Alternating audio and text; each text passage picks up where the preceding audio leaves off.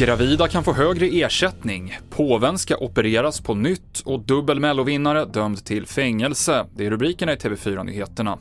Vi börjar med att berätta att flyglarm började ljuda över hela Ukraina nu på förmiddagen enligt sajten Air Raid Alert. Anledningen uppges vara att Ryssland skickat upp fyra plan med kryssningsrobotar och man vet inte vad de har för mål. Därför larmades det i alla 24 ukrainska län som en förebyggande åtgärd, som dock är ovanlig, det säger vår utrikesreporter Johan Fredriksson.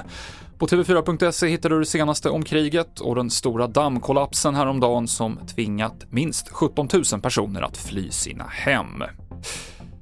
Påve Franciscus har lagts in på sjukhus för att idag opereras för brock i buken och han kommer att vara inlagd i flera dagar enligt Vatikanen. I mars tillbringade påven tre dagar på sjukhus och fick antibiotika för luftrörskatarr och för två år sedan så opererade Franciscus bort runt 30 cm av tjocktarmen på grund av en inflammation.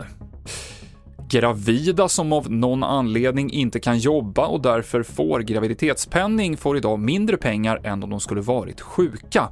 Och skyddet för gravida på arbetsmarknaden måste stärkas. Det anser den statliga utredaren Kristina Nilsson som idag överlämnade sin rapport till regeringen. Ja, men det är för att kvinnor ska ha ekonomisk jämställdhet. Det handlar om att man ska ha lika ersättning om man är frånvarande från jobbet när man är gravid som om man inte kan vara på jobbet när man är sjuk. Eh, sen behövs det vila i slutet av graviditeten. Därför tycker vi att det är viktigt att det blir en ny förmån i absoluta slutskedet så att kvinnor inte behöver ställa sitt eget behov av vila emot det behov som familjen har när barnet väl är fött.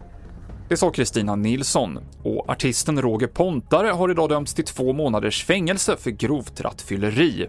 Han greps i januari efter en vinglig färd i centrala Örnsköldsvik och han hade då 1,66 promille i blodet. Det här skriver Örnsköldsviks Allehanda. Och det avslutar TV4-nyheterna med Mikael Klintevall i studion.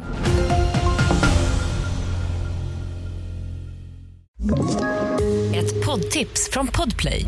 I fallen jag aldrig glömmer djupdyker Hasse Aro i arbetet bakom några av Sveriges mest uppseendeväckande brottsutredningar.